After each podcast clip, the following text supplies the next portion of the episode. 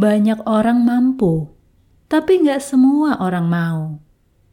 Orang yang bisa diandalkan adalah seorang yang bisa dipercaya karena ia bertanggung jawab terhadap setiap perkataan dan tugas yang diberikan.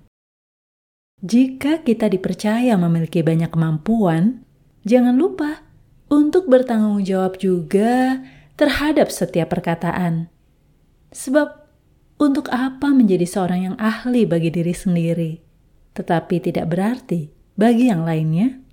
Ingat, hidup yang berarti bukan tentang me, myself, and I, tapi bermanfaat untuk banyak pihak.